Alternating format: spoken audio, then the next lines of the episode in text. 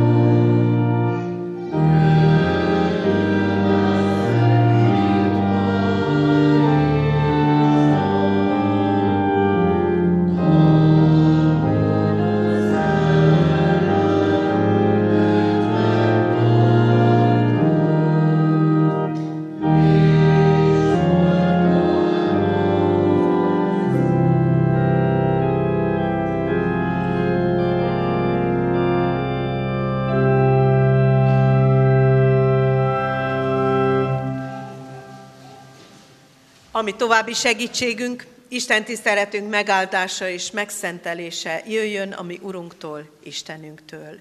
Amen.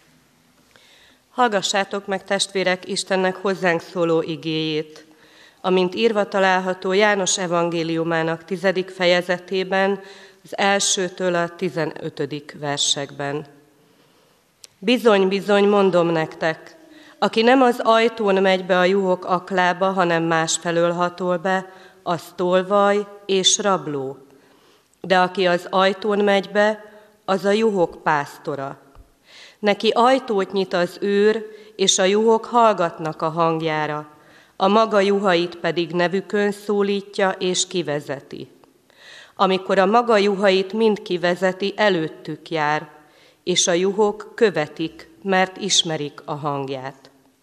Idegent pedig nem követnek, hanem elfutnak tőle, mert az idegenek hangját nem ismerik. Ezt a példázatot mondta nekik Jézus, de ők nem értették, mit jelent, amit mondott nekik.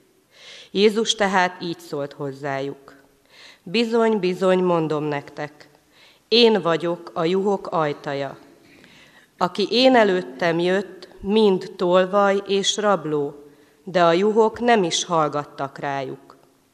Én vagyok az ajtó. Ha valaki rajtam át megy be, az megtartatik, bejár és kijár, és legelőre talál. A tolvaj csak azért jön, hogy lopjon, öljön és pusztítson. Én azért jöttem, hogy életük legyen, sőt bőségben éljenek. Én vagyok a jó pásztor. A jó pásztor életét adja a juhokért.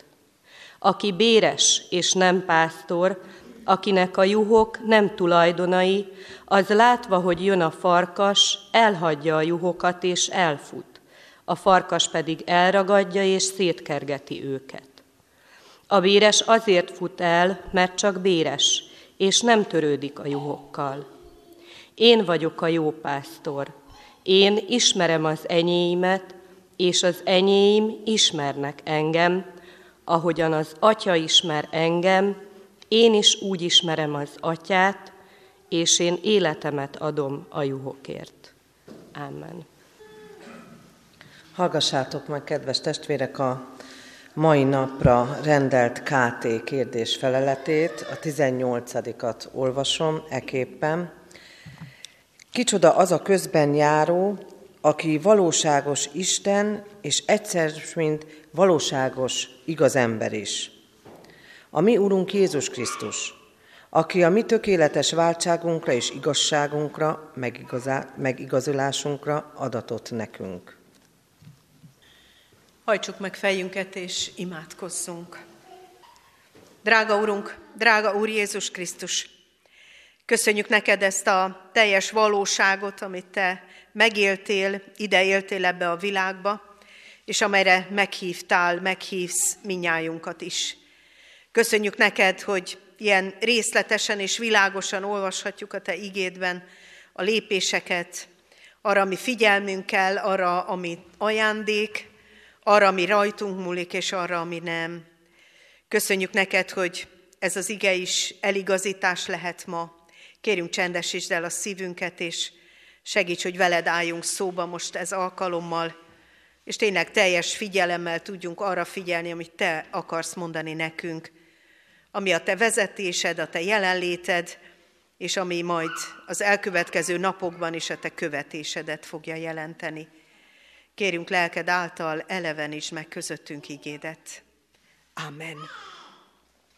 Helyünket elfoglalva énekeljük testvéreim, az ige hirdetésre készülve a 166. dicséretet, a 166. dicséret első és második versét. Ez alatt az ének alatt mennek majd ki a gyermekek gyermekisten tiszteletre. Tehát a 166. dicséret első és második verse, áldj meg minket, Úristen, a Te jó voltodból. thank you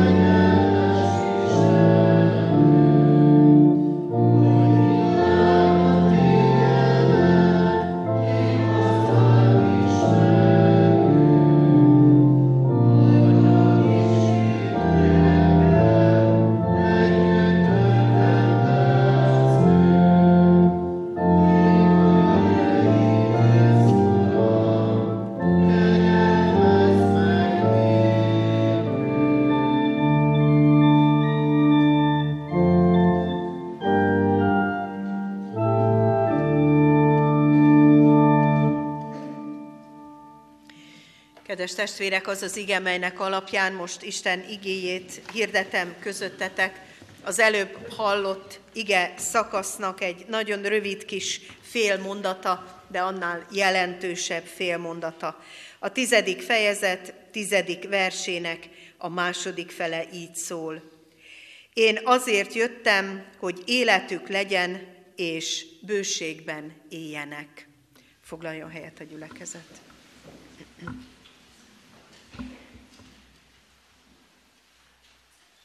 Kedves testvérek, nem olyan régen, január 27-én egy különleges találkozón vehettünk részt. A református lelkészeket összehívták Nagy Magyarország területéről, jöttek felvidékről, Erdélyből, és minden nagy messzi területekről is. Ezren, mint egy ezren voltunk együtt, és együtt figyeltünk Isten igéjére, majd együtt úrvacsorával is zártuk ezt a szép alkalmat. Nagyon különleges volt, és ebből szeretnék egy rövid részletet elmesélni, ami tegnap jutott az eszembe a megfelelő események kapcsán. Ott ezen a bizonyos lelkészi találkozón megszólalt Novák Katalin, ő volt az egyik úgynevezett bizonyságtevő és ő elmondta ott a sok lelkész füle hallatára, minnyájuk füle hallatára, hogy az életében nagyon sok minden úgy alakult, hogy szinte tökéletes volt, és azt tudja mondani, hogy Isten minden tervét, minden gondolatát, minden olyan, ami, amire vágyott, ami, ami fontos volt neki, az mind-mind sikerült. És utólag jött rá, hogy igazából véve ez csak a kerete az életnek. És arra jött rá, hogy a közepe hiányzik. Tehát pont az hiányzik, amitől ez az egész értelmet nyerne. És mondta, hogy volt egy olyan találkozása Jézus Krisztussal, amiben rájött arra, hogy ez a bizonyos, különleges, csodálatos, megáldott keret egyszerre megkapta a közepét is. És azóta ő úgy él, hogy ez egy teljes az ő számára teljes életet élhet, és így akar élni, és így akarja a továbbiakat is megélni. A tegnapi bejelentés kapcsán jutott eszembe, hogy akkor most vajon az ő számára mi is lesz az a teljes, mitől lesz teljes a teljes. De bizonyára Isten jobban tudja ezt, nem nekünk kell kitalálni, csak ebben az igében jövő gondolat, illetve ebből az igéből következő gondolat az, ami nekünk is ezt a kérdést fölteszi. Jézus azt mondja, azért jöttem, hogy életük legyen és bőségben éljenek. Azaz, hogy a mi életünk is ne csak a keretet kapja meg, azt, ami, amire vágyunk, amit fontosnak tartunk, ami ott van még a bakancslistán, kinek ki tudja, mi minden van ott, de ez csak a mi tervünk. Ez, ez az, ami ugyan egy teljes körré válhat, de alapvetően nem jelenti az életünk értelmét. Ezért nem érdemes élni. Valami kell, hogy ott a közepén legyen, amitől ez a keret megtalálja a maga helyét és értelmét az örökké valóságban, az Isten történetében. Az elmúlt hetekben keresett fel egy volt diákunk, aki 40 valahány éves, és azért keresett fel, mert azt mondta, hogy mit kan én, mindent elértem, amit akartam. Nekem 20 évesen volt egy nagyon hosszú bakancslistám, hogy ho- hova mindenhova akarok elmenni, mi mindent akarok átélni, mi az, ami nekem fontos. És azt mondja, itt vagyok, elértem. Van egy feleségem, van két gyermekem, van egy birtokom, van öt autóm, bejártam a világ minden táját, és semmi értelme az egésznek. És felkeresett, hogy szerintem mi értelme van.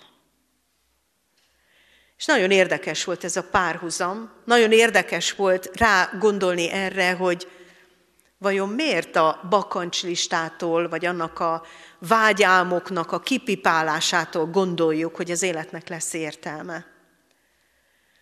Nyilván azért, mert nagyon sokan vannak, akik még 40 valahány évesen nem érték el az összeset, amiről vágytak valaha gyermek vagy ifjú korukban, ami, ami oda került a, a gondolatok és a tervek közé, és még mindig vágyakoznak, hogy na talán, talán még erre lesz idő, energia, pénz, valahogyan még valamit majd sikerül elérni. Hát azt gondolom, testvérek, hogy nem ettől lesz teljes az élet, hogy kipipáljuk a, a különböző vágyálmokat. Mert hogy az életünkre nézve nem a mi terveink azok, amelyektől mi boldogok leszünk. Talán mindenkinek volt már ilyen tapasztalata, nekem többször is, hogy elértem valamit, amit, amit nagyon, nagyon szerettem volna, amiért mindent megtettem.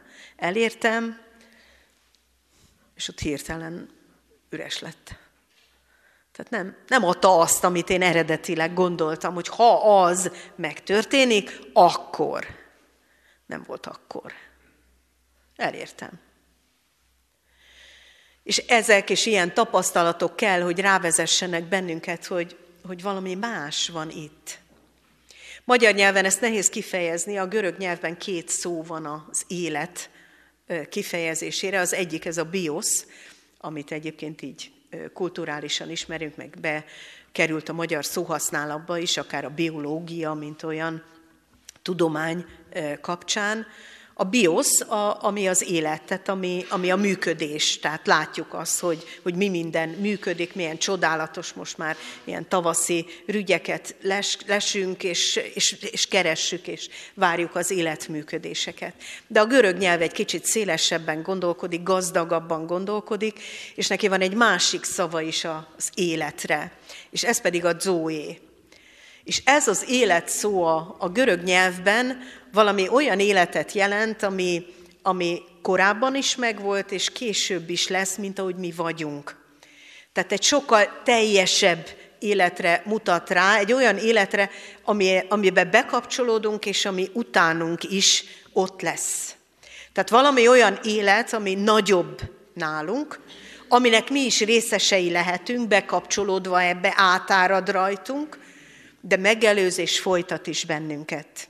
És akkor, amikor Jézus azt mondja, hogy azért jöttem, hogy életük legyen, akkor erről az életről beszél, erről a Zoéról beszél.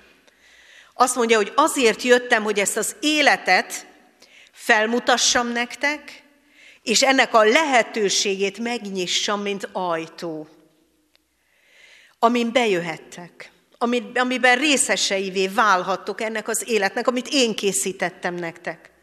Ami nem a ti terveitekről szól, vagy a szüleitek, vagy a nagyszüleitek tervéről, vagy a társadalom ajánlásáról, hogy mi minden lehet elérni, milyen karrier vár egy fiatalra, hanem amit én nevezek életnek. Én Jézus Krisztus.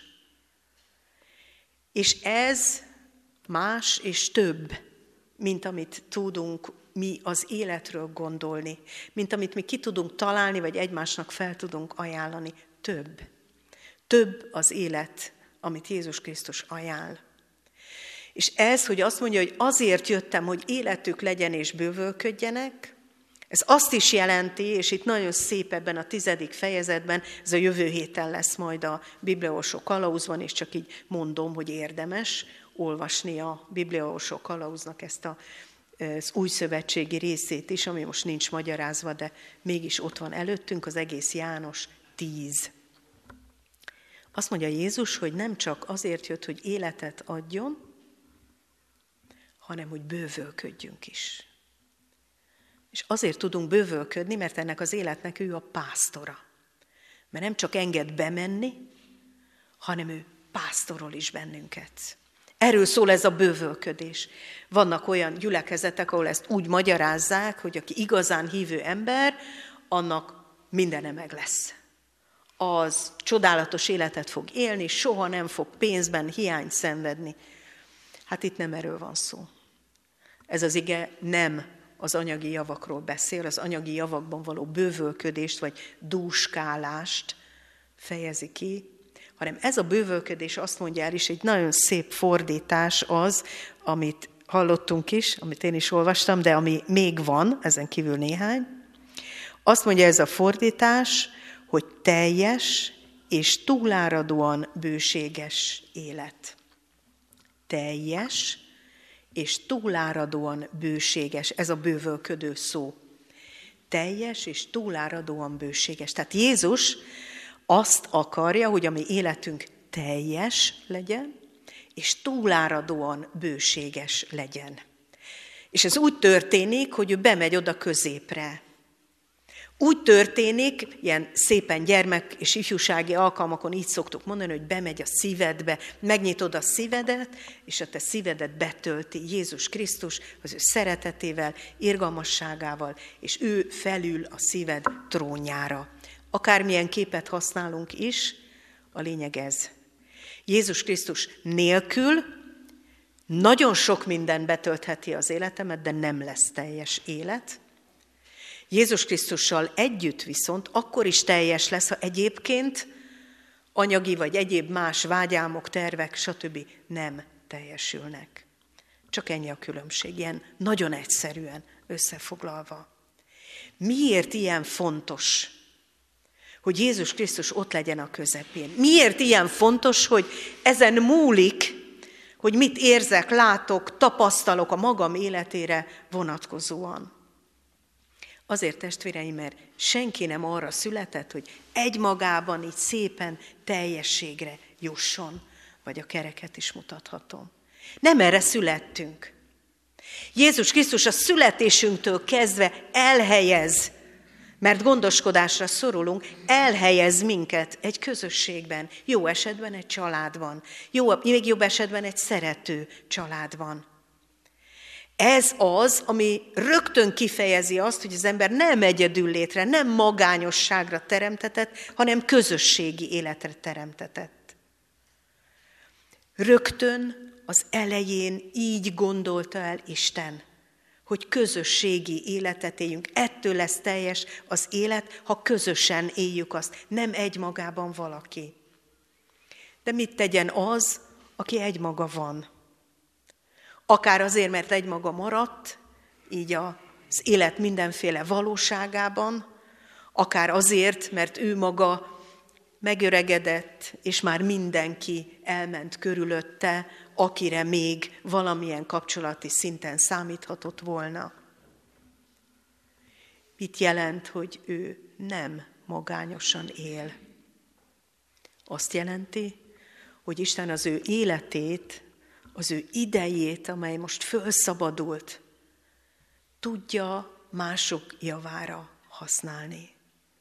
Tud úgy élni, hogy abból a bővölködésből, amit Jézus Krisztus közössége jelent az ő szívében, tud adni másoknak. A biológiai életet tudjuk ideig, óráig meghosszabbítani, de az élet értelmét nem tudjuk megadni. Azt csak akkor találjuk meg, ha a szívünk mélyéről Isten elvezet minket a másik emberig.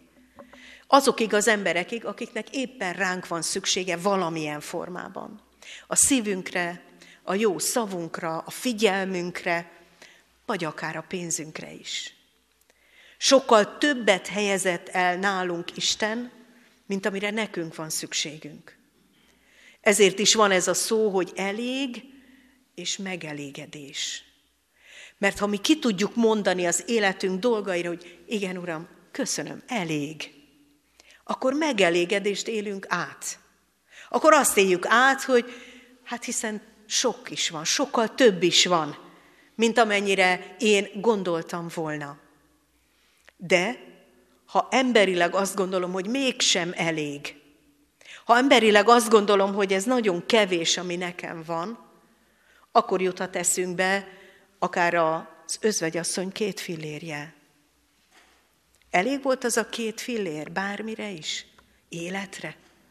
Élet lehetőségekre? Egyértelmű a nem, mert még a másnapra se biztos, hogy elég lett volna. Ezért ennek az asszonynak a hite nem azt jelentette, hogy ostromolja az eget, hogy adjon neki többet, hanem egyértelműen fölajánlotta Istennek azt, ami van. Azt a két fillért. Fölajánlotta, odaadta Istennek, Uram, kezdj vele valamit, mert én csak azt látom, hogy kevés. Én erre a két fillére nézve csak aggódni tudok. Csak sírni, panaszkodni tudok, félelmeim vannak, semmire nem elég. De ha fölajánlom neked, hiszem, hogy veled együtt, akár még az életre is elég lesz. Különleges ez a hit, különleges ez a bizalom Istenben, hogy elhiszem, hogy nem az én kuporgatott két filéreimtől működik az életem. Nem az én összespórolt és valamilyen módon megtartogatott pénzemen múlik, hogy boldog leszek vagy nem. Hanem azon múlik, hogy ott van-e Jézus Krisztus középen, vagy nincs. Bízom-e benne, vagy nem? Elhiszem-e, hogy ő gondoskodik az életemről? Ő a pásztor, aki a juhokat tereli ét, ételre, italra, védelemre, mindenre. Elhiszem-e, hogy ő a pásztor? És elhisszük-e testvérek, hogy minden aggodalmaskodás és minden panasz bántja Istent? Mert megkérdőjelezi, hogy ő tudna gondoskodni rólunk. Minden aggodalom és panasz azt jelenti, hogy Uram, nem jól csinálod.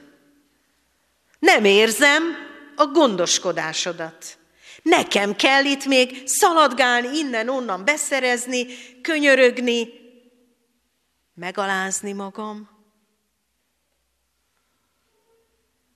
Pedig csak az a lépés hiányzik, hogy az, ami van, azt is fölajánljam Istennek. Ne csak a fölösleget, amiről úgy gondolom, hogy hát nekem már úgy se kell, hanem azt, ami van, azt ajánljam föl Istennek, Uram, használd. Használd jól, használd úgy, ahogyan te akarod, ahogyan elég lehet, nem csak nekem, hanem a körülöttem lévőknek is. Mert azért helyeztél ide, mert ezeket a körüllevőket is rám bíztad, és rájuk engem. Ez így, ez így közösségileg kell, hogy működjön. Van egy másik nagyon szép példa is, pont a János evangéliumában, ez a drága gyermek, aki amikor ott ül az ötezer ember, akkor így kedvesen fölajánlja, gyermeki hittel és naivitással, hát nekem van öt kenyerem és két halam. Ezt odadom. Az emberi józanság azonnal megszólal a tanítványok részéről, mi az ennyinek? Mi is így szoktuk gondolkozni, ugye? Már hát pff, öt kenyér és két hal. Hát itt nem vagyunk ötezren, de nekünk se lenne elég. Ez a kisgyermek nem ezen gondolkodik, hogy én el tudom-e dönteni, meg tudom-e tervezni, ki tudom-e alakítani, szét tudom-e osztani. Tehát neki nem erre van gondja, mert ez nem az ő gondja. Az ő gondja az, hogy ezt a bizonyos öt kenyeret és két halat fölajánlva elhiggye, hogy még neki is fog jutni. Tehát ne azt gondolja, hogy hát, na erre csúnyán mondom, keresztet vethetünk, ez már nincsen, hanem úgy gondolja, hogy Istennek van hatalma arra, hogy ebből a fölajánlásból még neki is jusson. Micsoda hit ez, testvérek? Micsoda különleges gondolkodásmód, amelyel én elhiszem azt, hogy ha ott van Jézus Krisztus a középen, akkor bővölködővé tesz. Lesz, lesz, van mit enni. Mert megajándékoz önmagával, és megajándékoz azzal, amire nekem van igazán szükségem. Sőt, megajándékoz a legnagyobbal. Mert testvérek, azért nehéz a mennyországra gondolni, mert úgy gondolunk a mennyországra, ami valami után van, és ez a valami, ez egy nagyon kellemetlen ügy. Arra gondolni, hogy ahhoz, hogy én a mennyországba jussak, nekem meg kell halnom, ez nem egy bátorító, vigasztaló gondolat, sőt, félelemmel tölt el ez a gondolat, hogy nekem meg kell halnom, mindent megtennék, hogy ezt elkerüljem. Ha egy rögtön fölvitetnék, mint mondjuk illés, na az még, az még rendben van. De hogy ezt végig kell csinálni. És csak utána következik a mennyország, ez egy, ez egy nagyon, nagyon, nagyon nehéz látás. Akár a szeretteimmel kapcsolatban is, de nekem is. És akkor Jézus Krisztus azt mondja, hogy úgy számíthatsz a mennyországra, hogy már most elkezdődik benned. Már most ott van a szívedben. Nem majd valami után következik, hanem már most ott van. Már most ott van benned, és teljessé lesz. Nem a, arra a bizonyos biológiai végre kell gondolni, hanem arra, amit Isten elkezdett, azt majd teljessé teszi. Ez az a bizonyosság, amivel az én életem mosolygós élet lehet, megelégedett élet lehet, Jézus Krisztus által élt élet lehet.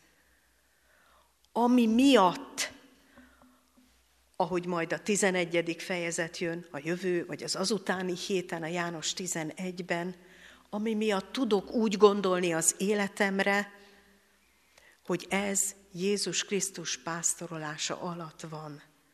Tehát ez az élet, ez így szép, ahogy van, de korábban kezdődött, élet lehetőséget kapott, és folytatódik. Egy teljes élet, bővölködő élet. Mit tehetek ezért, hogy ez legyen? Mit tehetek ezért, hogy az én életemnek ne csak közepe legyen, hanem lehessen folytatása is? Ehhez kell az, hogy ez a mennyország, az erről való gondolkodás, az ennek a bizonyossága már most annyira betöltse a szívemet, hogy elhiggyem, hogy Jézus Krisztus tud gondoskodni rólam. Hogy behívjam őt, hogy megvalljam előtte, Uram, már ami eddig volt, azt is mind tőled kaptam. Mind. Nem azért lett az enyém, mert nagyon sokat dolgoztam, güriztem, végigcsináltam, küzdöttem, hanem azért te megajándékoztál vele. Mert ha csak másik háromra nézek, látom, hogy ugyanannyit güriztek, mint én, és nincs nekik. Mert az én áldásom attól az Istentől jön, aki mindennel megajándékoz, amire szükségem van, sőt, olyan bőkezűen teszi ezt, hogy megoszthatom másokkal. És átélhetem a megosztás csodáját, hogy a megosztástól nem kevesebb lesz, hanem a megosztás megsokszorozza azt, ami van. Megsokszorozza azt, amit nekem Isten ajándékozott, azáltal, hogy szétoztom, hogy odadom. És itt tényleg mindenre lehet gondolni. Nyilván lehet a kabátunkra, nyilván lehet az ezreseinkre, de nem ez a lényeg, hanem a lényeg az, hogy azt az életet osztom meg másoktól, amit én Jézus Krisztustól kaptam. Az örök élet hitét, az örökké való gondoskodását osztom meg másokkal.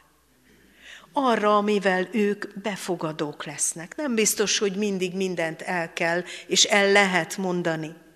De a mosolyom, az semmire, semmibe nem kerül.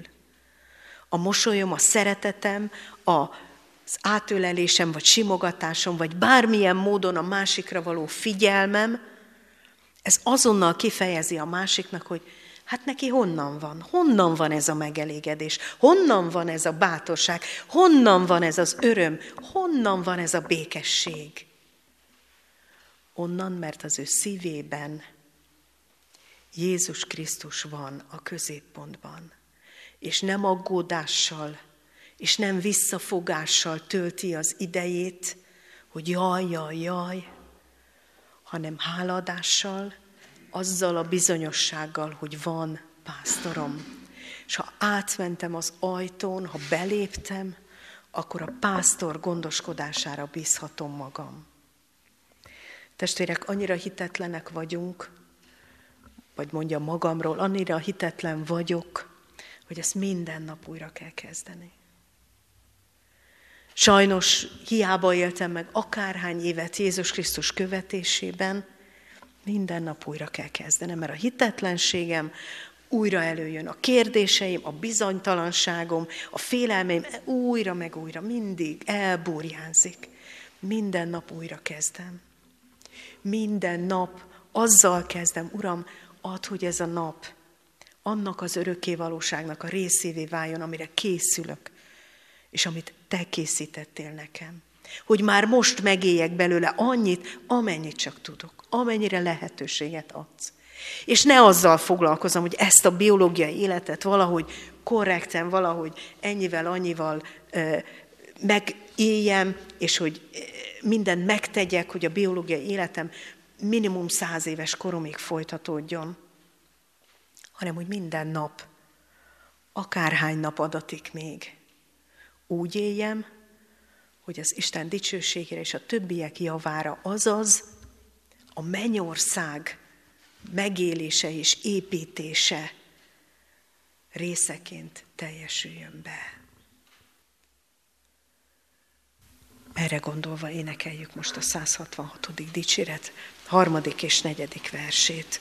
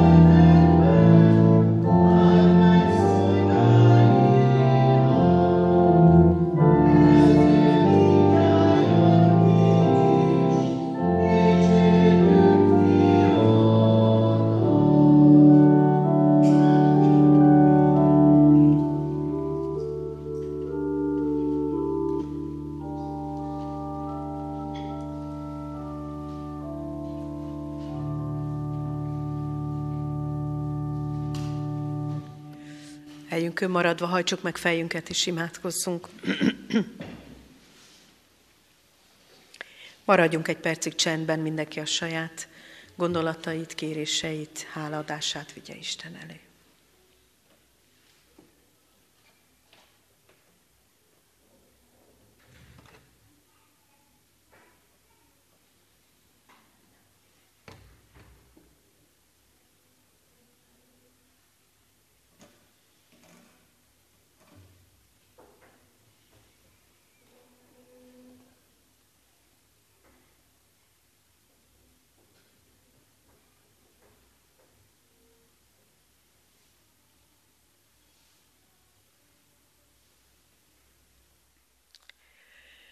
Urunk, magasztalunk téged, életünknek azokért a pillanataiért, amelyekben rá döbbenhettünk arra, hogy nem mi gondoskodtunk magunkról, vagy a szeretteinkről, hanem Te gondoskodsz rólunk, Te.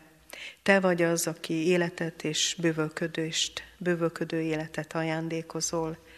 Te vagy az, aki terveket szőttél a számunkra, beleszőttél emberi közösségekbe, te vagy az, aki emlékeztetsz a te lelked által, tanítasz, tanítasz napról napra, és te vagy az, aki rámutatsz a mi nehéz pontjainkra, hiányosságainkra, hitetlenkedéseinkre, sőt, rámutatsz arra is, hogy mi az, amit vétettünk, mi az, amiben visszatartottunk valamit, amiről azt gondoltuk, hogy még nekünk is szükségünk lesz rá, és aztán látnunk kellett, hogy megromlott nálunk, tönkrement, elveszett.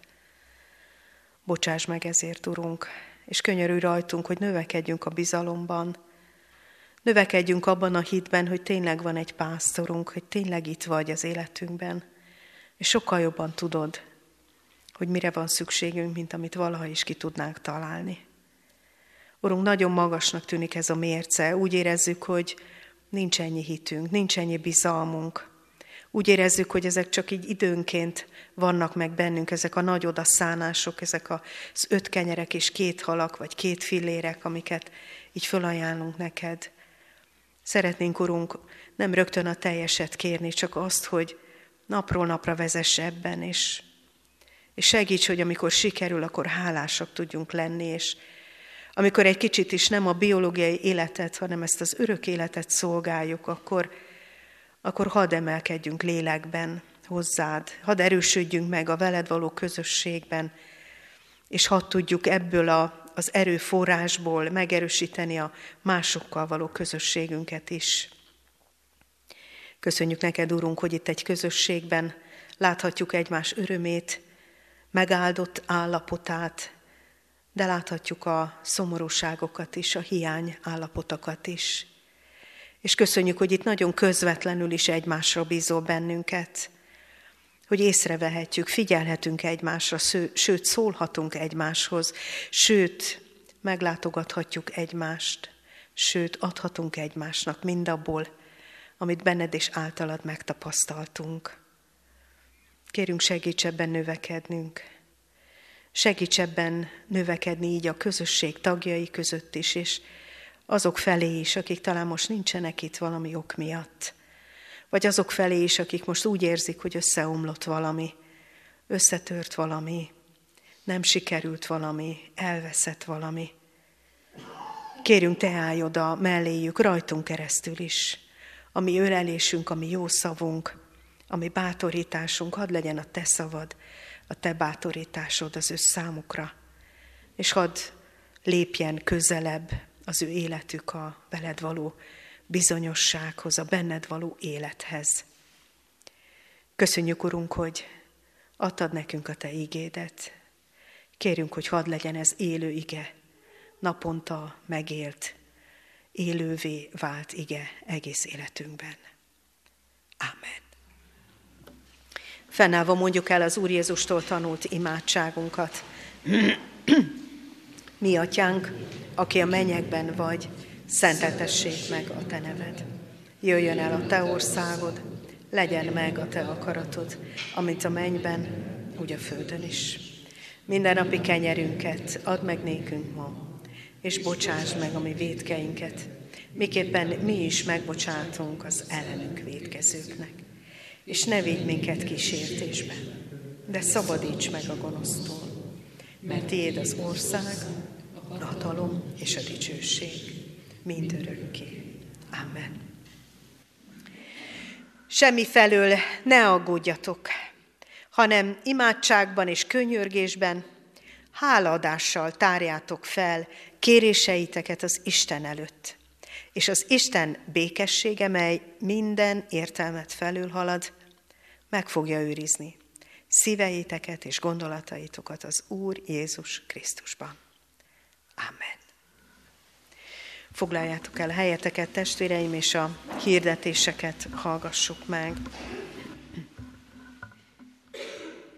Az első hirdetés, amit mondani szeretnék, az, hogy az ige hirdetést, ezt is, és az összes ige hirdetést, ami a gyülekezetünk bármelyik helyszínén elhangzik, meg lehet hallgatni a crack.hu oldalon, ige hirdetések címszó alatt, illetve a Spotify-on továbbra is fölelhető az összes ige hirdetés, ahol még dátumra is, ige hirdetőre is lehet keresni. Mindenkit bíztatok, hogy éljen ezekkel a modern technológia által biztosított lehetőségekkel. A következő hasonló ehhez, ez nincs rajta a hirdető lapon, de megmutattam a telefonomat, nem tudom, hogy milyen színt láttok itt fölül. Aki látja, az mondja be. Kék, milyen kék? Sötét kék, olyan, olyan nagyon szép kék. Szerintem ez egy nagyon szép kék. Erről a nagyon szép kék színről lehet megismerni az App Store-ban a református énekeskönyvet, meg a Google Play áruházban is. Tehát a református énekeskönyvnek van egy alkalmazása, olyan szép kék, erről lehet megismerni. A régi és a mostani új énekeskönyv is egyaránt benne van, kereshető, akinek fáj a szíve régi énekek után, amit szeretett, nekem is van ilyen énekem, ami nem került bele az új énekeskönyvbe, azt ott ugyanúgy meg lehet találni. Úgyhogy ezt szabad letölteni és használni. Nagyon kézreálló kis program. Ennyit a digitalizációról mára. Most térjünk rá a következő hétre. Holnap délután háromkor kézi munkakör itt, amire elsősorban szerintem az asszony testvéreket, hölgyeket, lányokat, nőket vár a gyülekezet. Aztán kicsit később este ötkor ima ez nincs ide írva, de hozzáteszem, amire hát a Szentírást olvasva lehet, hogy mondhatom, hogy ha nem is elsősorban, de legalább annyira férfiakat vár a gyülekezet, mint nőket. Úgyhogy erre bátorodjanak a férfiak is az ima órán való részvételre. Illetve kedden, holnap után Biblia óra este ötkor, szintén itt. A következő mm, időszak, mondjuk másfél hét, sűrű lesz és, és nagyon gazdag. Ezekből szeretnék néhányat felvillantani, ezekből a, a lehetőségekből. Először is elkezdődik a Bőti séta sorozat, ez a vízműdomb körül fog történni, csütörtökönként 10-től délig. Tehát bőti séta, együtt lehet menni, csapatostul lehet beszélgetni, imádkozni útközben, rá lehet szánni ezt a két órát hetente egyszer. Tehát csütörtökönként 10-től délig a Szabadidő Parkban, aki szeretne csatlakozni, ezt a Nőszövetség szervezi. A házasság hete is közeledik, ezt a mi gyülekezetünkben vasárnap este fogjuk elindítani. Vasárnap este ugyanis a házasságok megáldása lesz a, a városközponti nagy templomunkban. Aki házasnak érzi magát, azt szeretettel várjuk a, a gyülekezetbe, jöjjetek el. Tudom, hogy ez nem mindig olyan egyszerű, meg meg kell oldani, meg meg kell szervezni, de szerintem kevés dolog van, ami akkora hatással van az életünkre, mint pont a házasságunk. Úgyhogy mindenkit bíztatok, hogy ezért az áldásért jöjjön el a gyülekezetbe. A nagy templomba este ötkor itt a református nagy templomba vasárnap este. Jól mondtam? Ja, hogy nem ma, hanem jövő vasárnap. Igen, köszönöm szépen a korrekciót, vagy hát segítséget, tehát jövő vasárnap lesz ez, jövő vasárnap kezdődik. Ez tehát Isten része a házasságunkban az ő áldása, a mi részünk pedig a tett, a cselekedet, hogy tegyük hozzá mi is a magunkét, hát első, hogy eljövünk ezért az áldásért, a második, hogy a rákövetkező három napon, szintén megtervezendő naptárba írandó, hogy hétfőn, kedden és szerdán a házasságunkkal foglalkozunk most ebben az, év, ebben a, az időszakban, egy évben, ebben a három-négy napban, intenzívebben, erre biztatok mindenkit. Nem kötelező, csak érdemes. Hétfőn este ötkor az új kollégiumban házaspáros teaház. Kettes, kettesként ott kis segítséggel lehet beszélgetni, gondolkodni, teázgatni, randizni. Mindenkit hívunk erre. Hétfőn este ötkor az új kollégiumban. Kedden este egy másik program lesz, és ez már a katolikus érseki helynökségen, a házasság korszakairól tanulhatunk hogy miért nem vagyok olyan, mint amilyennek gondoltam, hogy majd leszek, vagy a feleségem azt gondolta, hogy majd megváltozok, én meg azt gondoltam, hogy a feleségem majd nem fog megváltozni, és mindenki csalódott. Milyen korszakok, milyen szakaszok vannak a házasságban, erről fogunk tanítást kapni. Ez tehát kedden este ötkor az Érseki helynökségen, és szerdán is lesz egy előadás, az már a Széchenyvárosi gyülekezet hogy kell ezt mondani, a Széchenyvárosi Közösségi Házban, ahol a gyülekezeti alkalmakat tartjuk vasárnaponként, tehát ez szerda este lesz, ott pedig a megújulásról lesz szó, a házasság megújításáról és megújulásáról. Tehát Isten áldásával indul vasárnap, hétfőn, kedden, szerdán a, a mi odaszánásunkkal és tervezésünkkel folytatódik. Mindenkit biztatok erre. A, az előttünk levő héten pedig, tehát most csütörtökön, pénteken és szombaton Morva Ákos ige hirdetésével készülhetünk a vasárnapi úrvacsorára, mert hogy úrvacsorás alkalom is lesz, bőjt első vasárnapja. Tessék? Azt hittem korrekció volt, bocsánat. Tehát csütörtökön, pénteken és szombaton szintén a, a templomunkba gyertek el, Morva Ákos Sziget Szent Miklósi lelkipásztor lesz a vendégige hirdető, akit személyesen is jól ismerünk és barátunk, és tudjuk, hogy ő is túláradóan gazdagon kapta Istentől az ő igényének a hirdetését, életszerűen, valóságosan fogja átadni az Isten üzenetét, ebben, ebben bízhatunk. Nagyon készül egyébként, úgyhogy szeretettel várunk mindenkit most csütörtöktől a templomban. Az összes többit most nem még egyet felolvasok, a halottaink szekcióban egy haláleset szerepel. Farkas Mihályné Rigó Mária Terézia 70 évesen hunyt el. Neki 16-án pénteken délután kettőkor lesz a temetése a református temetőben. Az összes többi hirdetést el lehet olvasni, vannak ott hirdetőlapok, meg a gyülekezet honlapján is ezek föllelhetők. Adja Isten, hogy ezek által a lehetőségek által is gazdagodjon az életünk és a vele való közösségünk. Énekeljük a záró énekünket. A záró énekünk a 289. dicséret, ennek mind a hat versét énekeljük, ez is ilyen szép régi magyar ének, mint a 166-os és Rádai Pál éneke. 289, mind a hat versét.